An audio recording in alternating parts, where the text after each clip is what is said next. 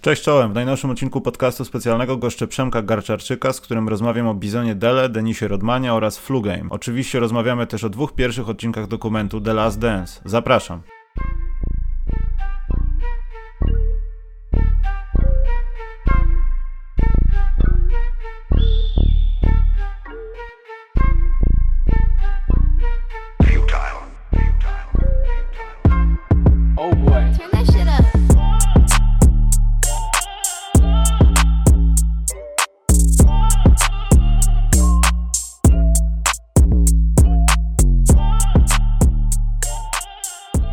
Cię Przemek po raz drugi w naszym pięknym podcaście specjalnym.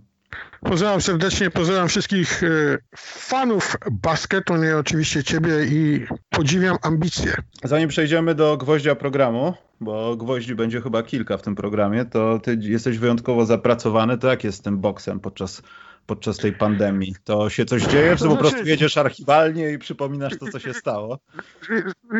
Jadę, jadę archiwalnie, Michał, dlatego że no, na, szczęście w, na szczęście w głowie tych archiwów zostało, natomiast bardzo żałuję, że lat temu 30, kiedy zacząłem to robić, nie, nie wyciągałem tam jakiegoś historycznego Blackberry, nawet jakby to było, jak to się dzisiaj mawia, jakoś jakbyś żelazkiem to robił, to byłoby coś, czego nie mam, natomiast e, poza boksem, no bo wtedy się jeszcze boksem tak nie zajmowałem jak dzisiaj, gdybym ja miał te filmy z, z, z czasów, nie wiem, 92, 93, 91 Bulls, czy te późniejszy, ten tripit, ten drugi, no to, to byłoby dopiero warte dla mnie, już nie mówię o kwestii, kwestii finansowej. A propos tego, o czym będziemy rozmawiać, czyli no, dzieła, które pochwyć, prze, przejęło koszykówkę tak naprawdę, póki jej nie ma, to gdybyś w boksie chciał nakręcić, może już jest nakręcone, ja o tym nie wiem, coś na wzór The Last Dance, o czymś, co wydarzyło się po raz ostatni, wiesz, czyjaś ostatnia walka, jakaś porażka wielka, coś, to co to byłoby na pierwszym miejscu, taki serial? To znaczy na, na pierwszym miejscu wydaje mi się, że już nakręcono, bo jeśli, jeśli chcesz zobaczyć fenomenalną produkcję, bo to w sumie dwie rzeczy, nie? Wiadomo, jak w każdym dokumencie, to jest pierwsze jest, co możesz pokazać i jakie masz taśmy do pokazania i drugie, jak to możesz obrobić. No to dla mnie nie ma lepszej rzeczy niż e, seria HBO, której jak wiadomo już boksem się nie zajmuje, bo się okazało, że ten sport jest nieopłacalny dla, dla Time Warner. E, seria, która nazywa się Legendary Nights. Nie dlatego, że tam jestem jeszcze piękny i młody, ale, ale w ogóle jeśli chodzi o produkcję e, dziennikarską... Przepraszam, to tam byłeś Peterem? A chyba tam byłem Peterem. Właśnie nie jestem pewien, bo, bo na te zdjęcia jak patrzę, to nie poznaję samego siebie i gość niby, gdyby nie, gdyby nie nazwisko, no niepowtarzalne, to bym się nie zorientował, że to jestem ja. Natomiast y, poważnie już mówiąc, Legendary Nights w wykonaniu HBO można znaleźć na YouTubie, można znaleźć w wielu miejscach dla kogoś, kto chce zobaczyć, jak można pokazać fenomenalnie boks z odpowiednią, a same obrazki to nie wystarczą, z odpowiednimi wywiadami i tak dalej, i tak dalej, to absolutnie Legendary Nights. Jak y przynajmniej pierwsze dwa odcinki odebrała osoba, która jeździła tym autobusem z Chicago Bulls. To było dla ciebie jakieś zaskoczenie, czy tak miało być przynajmniej te dwa odcinki, no bo nie możemy mówić o całości. Ale jak ty nie, to no odebrałeś? Nie, nie możemy, bo na przykład te dwa odcinki jeszcze ostatnie nie są skończone. Z tego co wiem, to będą skończone w tym tygodniu. To jest taka nie, niezwykła sytuacja, w której kończy się e, serię dokumentalną, która już jest nadawana, ale wiadomo, że z powodu no, wiadomo czego zostało wszystko przyspieszone. Natomiast jak odbieram, no, nie wiem, no łza się może w oku nie kręci, bo, bo ja aż tak sentymentalny nie jestem, natomiast jeśli chodzi o, o to, jak to jest pokazane e, i fakt, e, to było moje jedyne pytanie, czy będą w stanie, że, że można to filmowo zrobić, to wiedziałem, natomiast byłem w 100% przekonany, że osobą, która może to spinać tak, żeby zrobiło się z dobrego filmu historyczny film, czy legendarny, bo taki będzie, ten cały dokument, to jest osoba Michaela Jordana i fakt, w którym dowiedziałem się, że MJ e, zgodził się siedzieć z nimi i rozmawiać tyle godzin, ile tylko chcą, to w tym momencie wiedziałem, że będzie to, że będzie to coś ekstra. E, przez te przynajmniej dwa odcinki, to wiesz, to cała historia, 98 rok, Chicago Bulls, Michael Jordan, obietnica szóstego tytułu, ale tak naprawdę zauważyłem przynajmniej w sieci, jak ludzie o tym rozmawiają, że show przejęła sytuacja Scottiego Pippena, Jerry Krause. W którym jesteś zespole? Scottie Pippen czy Okruszek? jedna rzecz, która mi się nie podobała. To jest e, Scotty ma absolutnie rację, bo, bo mówiąc o tym, że był najbardziej niedopłacanym koszykarzem w historii, jak tam oglądaliśmy 120 któryś na liście płac, a to był zawodnik, nie wiem, top ten na pewno, jeśli chodzi o, o całokształt, numer jeden albo dwa, jeśli chodzi o defensywę w NBA. Natomiast nie podoba mi się fakt, e, że no jest skakane pod Jerem i jest słusznie skakane, tylko goś nie żyje. Nie wolno e, troszeczkę za dużo tego było. Jeśli mogę się do czegoś przyczepić, to skakanie po Jerry Krausie, który jakby nie było postawił na Pipena, o którym nikt nie wiedział nic specjalnego, postawił na Horace'a Granta, o którym nikt nie wiedział nic specjalnego, czyli osoby, które bardzo pomogły MJ zrobić, e, zrobić to, co potrafił zrobić kiedy miał wokół siebie ludzi, za dużo było tego skakania i znaczy inaczej, w życiu rzeczywistym, czyli, czyli tak jak to było jak ja tutaj byłem w Chicago, to było jeszcze 10 razy więcej. Natomiast moim zdaniem jest za bardzo uwypuklone to w filmie. No, pamiętamy, no nie wiem, czy pamiętasz tą scenę, e, jak, jak podczas przyjmowania e, wejścia do Hall of Fame. Michael Jordan stoi y, przy mikrofonie i mówi, że jest tutaj Jerry Krause, ale ja go przecież nie zaprosiłem. No tak, Także wiesz, ta, ta, ta, nie, nie, to nie, to, to nie były żarty, to nie były żarty i, i ta rzeczywiście nienawiść do Jerego, bo to była nienawiść, była, była niesamowita. Natomiast w filmie z, e, zapomniano o jednej podstawowej rzeczy. Jerry Kraus nie zrobiłby nic bez Jerry Reinsdorfa, czyli to była taka przedłużona prawa ręka właściciela klubu i, a natomiast na temat właściciela klubu nikt specjalnie dużo nie mówi, ponieważ właściciel klubu płacił. Natomiast gdyby Jerry Reinsdorf, bo on był właścicielem klubu, przypomnę, kupił klub za 16 milionów dolarów rok po tym, jak podpisali kontrakt z Jordanem, to nie przejęzyczyłem się, 16 milionów, czyli drobne. A gdyby on chciał dać więcej e, Scottiemu Pippenowi, to by dał. Natomiast no, na jego temat e, nie jest zbyt wiele, bo wiadomo, że facet ciągle jeszcze może komuś pomóc albo przeszkodzić. Także to prawda, że to, to, to, to, rzeczywiście ten, ten, ten fragment został jak najbardziej wybity, natomiast mogę powiedzieć, że w tak zwanym życiu rzeczywistym było jeszcze gorzej niż pokazane w filmie. No domyślam się, że tam tych najprawdziwszych rzeczy to nawet nie było, takich e, prawdziwie agresywnych. A dlaczego mówiłem Jordan, że żartuje? Bo tak naprawdę po jakimś czasie dojrzewasz do tego, że może to była taka pasożytnicza symbioza, że ten był zafiksowany, ten jednego nie lubił, ten mu zawsze cisnął, jesteś za gruby, rzuć, a nie podskoczysz do góry grubasku, ale mimo wszystko Wiesz, tak jak Kargul i Pawlak. No. Ja wiem, ja wiem. Ja, ja, ja rozumiem. Jedną bardzo prawdziwą myślą a pierwszej części, i to, i, to, i to było widać, nawet tak się rozmawiało, na się rozmawiało z człowiekiem, e, prawdziwą myślą dotyczącą Jerry Krausa, był fakt, że, że to był facet, który nigdy w życiu nikt by nie pomyślał, że on może dojść do takiej roli w takim zespole. On po prostu się zatrzymał jako człowiek gdzieś tam na etapie jakiegoś skauta, który tam może kogoś znaleźć i tak dalej. A tu nagle był w świetle reflektorów najsłynniejszego zespołu jakiegokolwiek sportowego w historii, bo tak było. I on zupełnie nie potrafił się wpasować z tą swoją osobowością takiego małomiasteczkowego gościa, który tam jakieś tutaj deale może na boku robić, może ma do, niezłe oko, natomiast nigdy nie podskoczył do tego poziomu, który musiał być. No ale no, był jaki był. Ja tam nie mogę powiedzieć, że mam ani nic dobrego, ani złego na jego temat do powiedzenia, natomiast koszykarze, koszykarze mieli rację. No, a czołem mówiąc, koszykarze nie wygrywają, to też bzdury były. Tak, ale to co powiedziałeś, Reinsdorf, to też trzeba pamiętać o tym, że no do tej pory zbyt wielu jakichś takich form przekazu nie było, ale w tym przynajmniej tych dwóch odcinkach było kilka takich momentów, kiedy na przykład Reinsdorf opowiada o tym load managementie, nazwijmy to tak jak tak. teraz się mówi, Michaela Jordana i to takie bezpłciowe mówienie, starałem się go przekonać, że i tak nie walczymy o mistrzostwo. To powoli tak, się zaczynało tak. nakładać, że to Reinsdorf mógł nakładać ciśnienia, a Krause musiał je wykonywać i to też nie Oczywiście. do końca musiało mu się podobać. Ale rzeczywiście, przypomnijmy, że tam jest, tym, jest, jest taki moment, który jest to, jest, to jest kluczowy moment, nie wiem, czy wiele osób to za, za, założyło, w którym sam Jerry Reinsdorf mówi, że kiedy zatrudniał Jerry Krausa, to wszyscy dookoła mówili mu, nie dotykaj tego faceta. Mhm. Więc wyobraźmy sobie w tym momencie, że jesteś Jerry Krausem, czyli nikim, i nagle zostajesz generalnym menedżerem klubu w wielkim mieście pod nazwą Chicago. To wiadomo, że dla gościa, który ciebie tym generalnym bossem e, zrobił, ty zrobisz wszystko. No i, dok i, dokładnie, i dokładnie tak było. Mm, tutaj powiedziałeś też, już tak kończąc ten wątek, y, mam nadzieję, że będzie też świetnie w następnych odcinkach, ale nieświetnie pod tym kątem, jeśli chodzi o to faktycznie naciśnięcie Krauzemu, no bo trzeba pamiętać, że jeśli ma być odcinek o Rodmanie, to jeśli to ma być ustalo- utrzymany konstans całej tej narracji wokół Krauzego, no to na pewno będą sytuacje, że Krause nie chciał Denisa Rodmana w tej drużynie.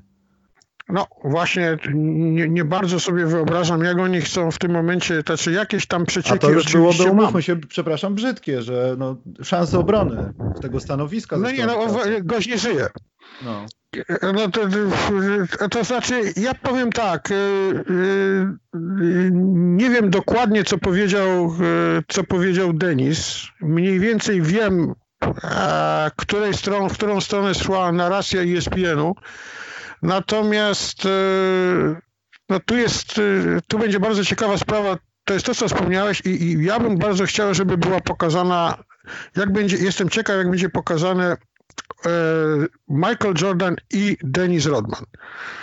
Bo to wcale nie była taka, taka piękna współpraca, jak to, się, jak to się wielu wydaje. I co jest najciekawsze z tego wszystkiego, że to Jordan potrzebował czasu, żeby zrozumieć, jak bardzo potrzebny jest drużynie e, Deni i nawet jemu samemu Denis Rodman, bo to, że, że, że Denis jakby mógł, to by wycierał podłogę, po której chodził Den, e, Michael, bo on taki był. On mógł wypić 150 piw i, i, i jak był trzeźwy, to mówił, że Michael Jordan jest najlepszym koszykarzem, jakiego kiedykolwiek widział. Jak miał wypite 150 piw, to to samo mówił. Także wiadomo, że mówił prawdę. No ale ciekawe, jak, jak to zostanie rozwiązane. Przeżyjemy to w najbliższą niedzielę. Ci, co zamierzają oglądać na żywo na ESPN, reszta na Netflixie następnego dnia. W, Polsce, w Polsce poniedziałek jest tym najlepszym dniem jak na razie. E, Przemek, bo w tym ostatnim swoim takim dziale z pytaniami na YouTubie zacznę opowieści Przemka z The Last Dance od tej historii. Pojawiła się historia z twoim bardzo dobrym znajomym Bizonem Dele. Powiedz, to był twój naj, największy taki znajomy, znajomy, w sensie kumpel z tej w ogóle całej chicagowskiej drużyny, czy był ktoś taki to znaczy jest, jest on i Denis, bo ja nie będę opowiadał, że byłem kolegą ani Rodmana, przepraszam, ani Michaela. Michael wiedział, kim ja jestem i, i podał mi rękę. To było dużo. To samo, jeśli chodzi o Scottie Pippen, byliśmy w paru miejscach czy paręnastu miejscach razem. Natomiast bez dwóch zdań Brian Williams, zanim nazywał się Bison Dele, a to to był mój przyjaciel. Myśmy razem wakacje spędzali, więc no, wakacje się raczej nie spędza z kimś, kogo się, kogo się nie lubi. No, z Denisem też na paru miejscach wakacyjnych byłem. Natomiast no, Denis to jest zupełnie inna inna e, kosmiczna postać, e, no teraz to już w ogóle kosmiczna, ale już wtedy był kosmiczną postacią. Natomiast jeśli chodzi o Briana, to jest. E, ja do dzisiaj czytam Bizona, to do dzisiaj nie mogę, nie mogę, nie mogę uwierzyć, jak się historia zakończyła jednego z największych nie koszykarzy w NBA, jakiego przez 30 lat poznałem, bo bardziej osoby niepasującej do tego środowiska, jakim była koszykówka zawodowa w tych czasach, to ja, ja nie znam. Gdybyś mógł tak odświeżyć, bo mi e, postać e, no Briana Williamsa w zasadzie kojarzy się z tym takim błyskawicznym wejściem do drużyny. Bo z tego co pamiętam, ten transfer był zaraz chyba przed końcem sezonu. Tak jest. E, no i potem Brian Williams wylądował E, bodajże w Detroit, ale mówię Detroit za 44 miliony dolarów, co na tamtejsze czasy to było bardzo, bardzo, bardzo dużo pieniędzy. Znaczy dzisiaj to jest bardzo dużo, natomiast wtedy te 44 miliony, które Brian dostał, to w ogóle był obłęd. Tak, tak. Przypomnijmy, to jest e, przede wszystkim e, człowiek, który został wzięty e, do Chicago Bulls, dlatego że Phil Jackson uznał, że absolutnie nie ma nikogo innego lepszego, który może wejść na 15-20 minut, zmienić Luka Longleya i zrobić więcej niż potrafi Luke Longley w konkretnej sytuacji, czyli, czyli pod koszem lepszy był, lepszy był Luke Longley, natomiast umiejętność bronienia e, na obwodzie, umiejętność zmienienia pozycji, jeżeli chodzi o możliwość, e, czy umiejętność pomocy kolegom z obrony, no to, to Brian był do tego absolutnie, absolutnie stworzony. Przypomnę, przyszedł z e, Los Angeles, Los Angeles Clippers. Pamiętam jak dzisiaj ten pierwszy dzień, kiedy, kiedy przyszedł ja i mój, tak, mój kolega, który robił dla francuskiej stacji telewizyjnej mecze, żeśmy usiedli. Nikt specjalnie nie był nim zainteresowany. Wiadomo było, było że to będzie zawodnik, e, który no, ma pomagać przede wszystkim w defensywie. Nie pamiętam, ile tam rzucał w playoffs, chyba 6 czy 7 punktów na mecz. Bardziej defensywa e, była tutaj ważniejsza. No i paru dziennikarzy e, zostało. W końcu zostałem tylko ja i właśnie mój, mój kolega i i Brian się odwraca do nas, mówi, panowie, jakaś francuska restauracja jest tu gdzieś w pobliżu. Ja mówię, jest, akurat bardzo, bardzo niedaleko United Center. Mówi, to zapraszam was, chciałbym od was się dowiedzieć, jak wygląda Chicago Bulls. I to jest pierwsza część tego, czego nie zapomniałem, a druga, że wszedł do tej francuskiej restauracji i nienagannym francuskim zaczął zamawiać. Hmm. Ja się patrzę na mojego kolegę i mówię, słuchajcie, on mówi tym francuskim dobrze, on, a na co mój kolega, który był dziennikarzem, powiedział lepiej niż ja. Także tak się zaczęła moja przyjaźń i spotkanie z, z koszykarzem, którego wszyscy absolutnie w zespole uwielbiali. uwielbiali. No tak, ale to był ten jeden sezon, no żeby być precyzyjnym, to był 9-6-9-7, tak. tak? I chyba jeśli ostatni moż... sezon Michaela Jordana. Tak, jeśli można zrobić taki smutny i tragiczny top 3 historii, jakie się tragiczne wydarzyły, no to można powiedzieć koniec jego kariery, no to co wszystko wydarzyło się tam, e, no to myślę, że to o tym właśnie Netflix też serial powinien jakiś zrobić. A wiesz, Michał, chyba był, chyba był raz zrobiony jakiś dokumentalny film w amerykańskiej telewizji, chyba z dekadę temu. E, w tej chwili nie pamiętam tytułu dla tych Państwa, którzy, którzy nie siedzą, bo jakby nie było, nie siedzą w tym, było to e, sezon e, Briana czy Bizona, to było 23 lata temu. To w ogóle była niesamowita historia, no bo e, ile razy możemy mówić o przykładzie, kiedy, kiedy brat zabija brata, a dokładnie to się zdarzyło, e, kiedy Miles Williams zabił swojego brata, czyli Bizona Dele, czy Briana Williamsa, jak ja zawsze będę go nazywał, na tym e, katamaranie w, e, na Tahiti, na którym ja również miałem być. Także mogę pokazać, mogę pokazać SMS-y z tego czasu, bo zostały mi. Niesamowita historia. Brat Briana Miles Williams, w ogóle Brian pochodził w ogóle z takiej rodziny zupełnie niepasującej do tak zwanego standardu NBA. E, wykształcona mama, architekt, e, tata, muzyk, e, zupełnie, zupełnie inne, inne zainteresowania. Do tego brat, który był genialny, natomiast nie lubił, nie lubił pracować. Lubił brać pieniądze od Briana, zaproszony na, do, na podróż do Tahiti na Nowej Zelandii chyba płynęli. Stwierdził, że kiedy nie dostanę pieniędzy, to ja po prostu brata, jego dziewczynę polskiego pochodzenia z Nowego Jorku zastrzelę, zastrzelę e, prowadzącego ten cały katamaran, e, nie wiem, pilota, to się nazywa u nas pilot marynarza. Wiemy o kogo chodzi.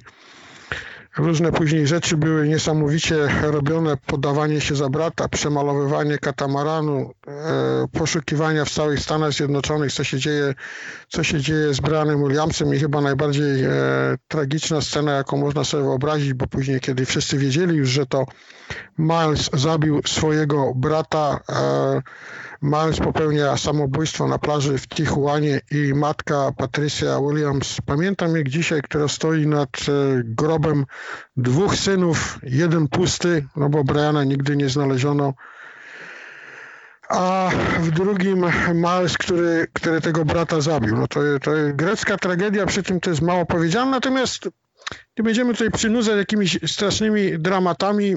Moje największe wspomnienie to poza tym, że tych paru wakacji kiedyś byliśmy na między innymi na wyścigach Monza. Pamiętam, to było po tym, jak Brian już odchodził do, do, do, do Detroit. Polecieliśmy na, do Mediolanu.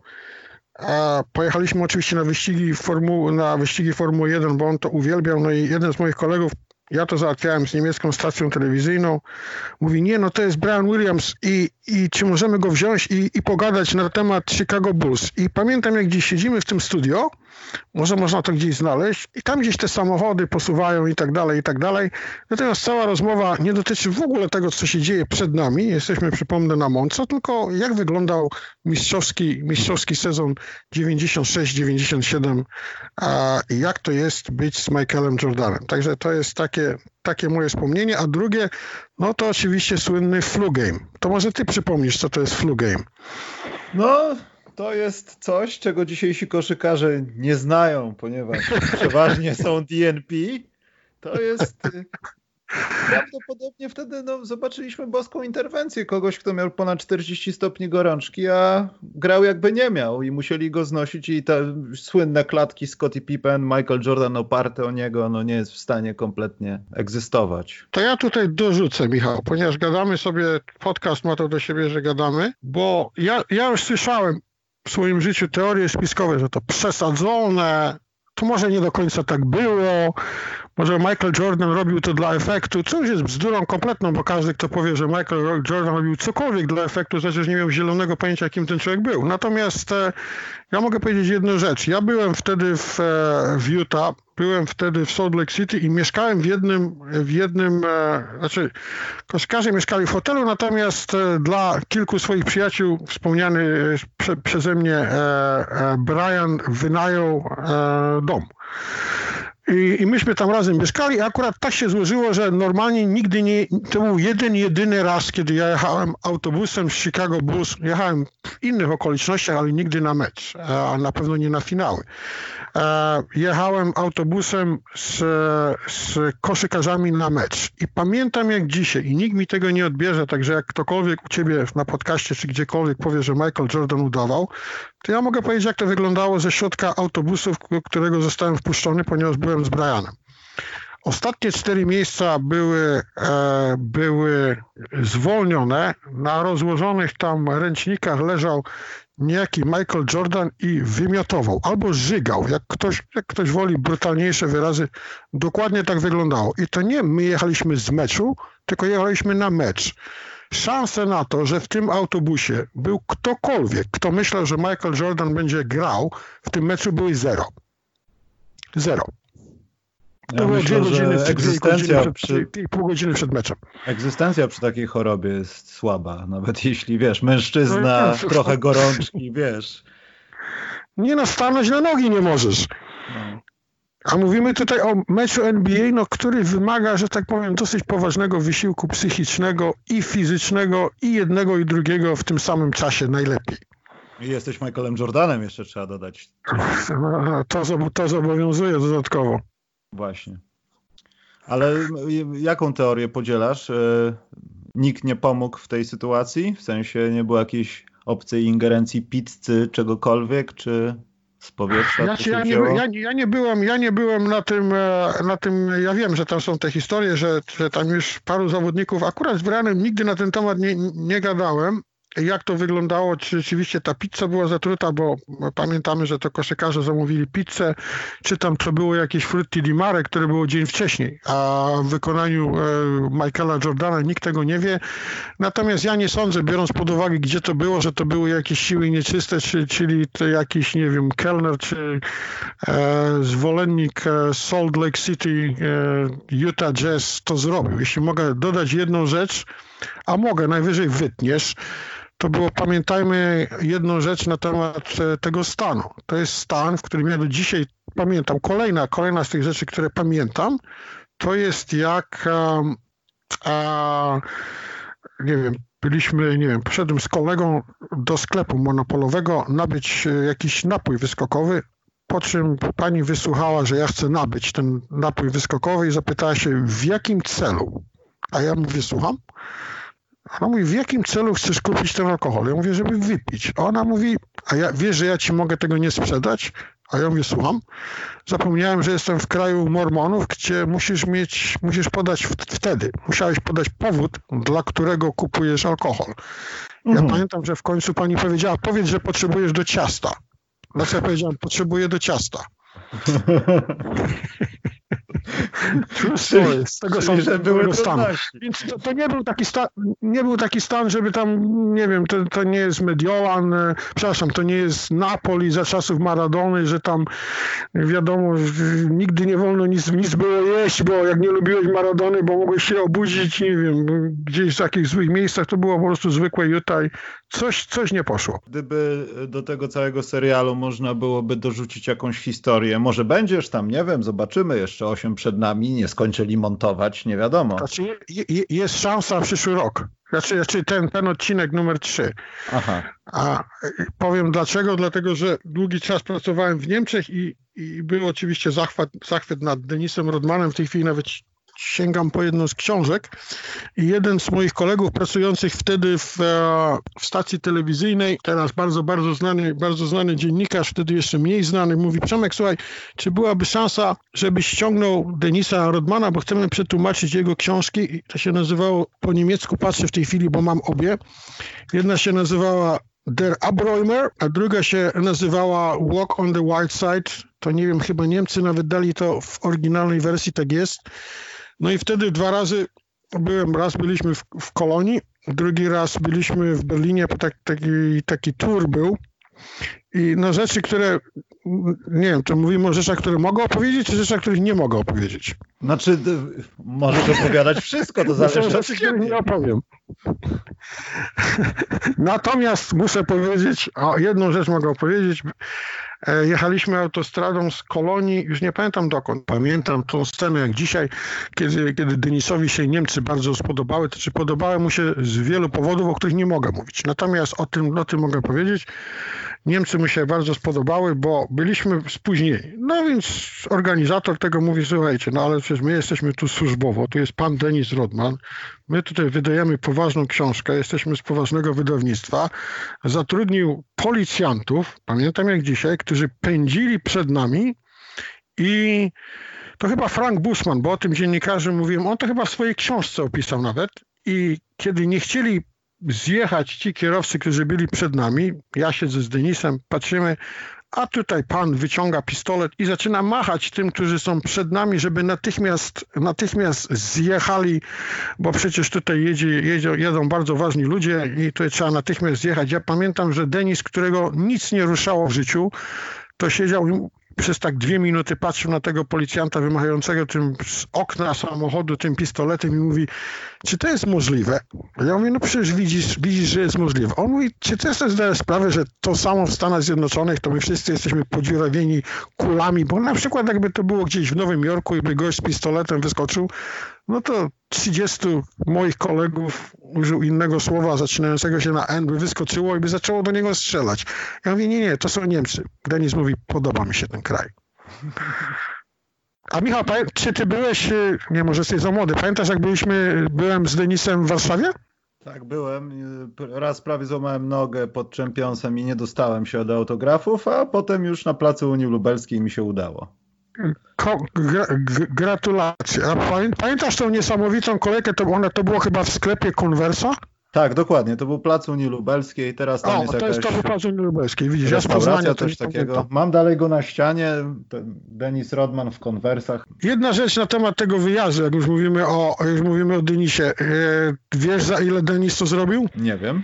Za zero. To tak bardzo polubił Polskę? Michael, zresztą Michael Jordan chciałem powiedzieć. Denis Rodman za, za ten, nie wiem, dwudniowy czy trzydniowy, nie pamiętam ile byliśmy razem, wziął zero dolarów. No dzisiaj absolutnie jego agent, e, by tego wtedy jego agentem był e, e, Dwight Manley. Teraz jest Mr. Prince. On by na to nigdy w życiu nie pozwolił. Natomiast no, to były takie, takie czasy, że no wiadomo, Converse musiało zapłacić za przelot, hotele i tak dalej. Natomiast jemu samemu nie zapłacili ani dolara. Hmm. Bo on nie chciał. Powiedział, że on to zrobi, bo, bo Polska jest fajna. To bardzo dobrze, bo pamiętam, że wtedy chyba przed nim w Polsce był Juan Howard i ta wizyta niedobrze się kojarzyła ludziom, bo się strasznie spóźnił. To chyba było pod Pałacem Kultury, ale to strasznie spóźnił się. Ludzie byli rozsierdzeni. Wszyscy zapomnieli, że z Washington Bullets. Mieli 100% tak rację. Aż mi się nie chce wierzyć, że my byliśmy na czas. Nie, wy na pewno nie byliście na czas, ale byliście w rezultacie. Ale nie, nie, no tak. A, a poza tym, nie, nie oszukujmy się, Dennis Rodman a Joan Hart. Nie, ja, ja pamiętam, że to był taki szał, to był ten czas, kiedy ludzie, ludzie naprawdę żyli tą koszykówką i był taki jeden chłopak, to nawet wylądowało w wiadomościach, że poprosił o podpis chyba na jedno czy pięcio dolarówce. I, nie pamiętam tego. I pokazali takie, to było w Championsie, i pokazali takie przebitki w wiadomościach, że przyjechał Dennis Rodman, ten wielki koszykarz tutaj i ci ludzie zdesperowani o podpis. Kiedyś to fan, było. Pra, fan ma prawo, fan ma prawo robić to, co chce, dopóki, dopóki nie jest to jakieś, wiadomo, głupie albo, albo wariackie. No, dlaczego nie? No, nie w takich miejscach widziałem, jak Denis podpisywał rzeczy, więc, e, ale to jest ta część, której nie możemy tak, tu poruszać, więc... Po 23 to jest ta część. Słuchaj, Michał, to jest po drugiej 45 nad ranem. Ale tak poważnie, słuchaj, już pomijając twoich kumpli, znajomości i tak dalej, ten ostatni sezon Chicago Bulls, gdybyś mógł znaleźć jedno takie wspomnienie, nie wiem, przygodę jakąś, nie wiem, może, może coś, co się wydarzyło, z czymś, czym kojarzyłby ci się, budzisz się o, wiesz, szóstej nad ranem, mhm. biją cię w pysk i mówią 9-7, 9-8 Garczarczyk, mówcie, jedna klatka z głowy. Z czym ci się kojarzy? Dlaczego pytam? Bo ja oglądając te dwa odcinki wróciło do mnie to, co wtedy było, że pomijając to, czy kibicowałeś Bulls, czy nie, to patrząc na te mecze, na, na tą atmosferę, która się z nimi niosła i te wszystkie rzeczy, które Bulls mieli nie do końca w tym sezonie poukładane, mhm. powietrze było gęste powietrze było gęste. Siekierę mogłeś powiesić. Oglądając te mecze, czytając te historie, zastanawiając się, co będzie dalej. Tutaj idzie pięć mistrzostw, ty szóste, trudności, wiesz. I oglądając te dwa odcinki, naprawdę można było sobie w głowie powiesić siekierę. Ja już mówiłem to wielokrotnie, ale czy nie złapałeś się na tym e, pytaniem, ej, a Scotty wróci w trzecim odcinku, ten gruby go nie wyrzuci? On nie pójdzie do Phoenix Suns? Nagle czekaj, nie, czekaj, nie. czekaj, czekaj, czekaj, czekaj. Tego nie miałem, natomiast e, w tej chwili e, nikt mnie nigdy o to nie zapytał, natomiast to jest dobre pytanie, to dwie rzeczy, które mi przy, przychodzą do głowy natychmiast, jak słyszę o tamtym ostatnim roku. To jest mecz numer 3, gdzie jestem święcie przekonany, że takiego meczu mi nigdy w życiu, w historii już finałów nie zobaczymy. 96-54. A, bo, bo to się oglądało jakby, jakby była jedna drużyna, która jest e, kandydatem na mistrza NBA, czyli Chicago Bulls. I jacyś goście, którzy tam przebrani są za, za, za Utah Jazz, ale tak naprawdę to oni są łyżwiarzami sypkimi i przez przypadek weszli do złej sali, no bo no, no jak pomyślisz 96-54 w finałach NBA, no to, to ci mowę odejmuje, zgadza się?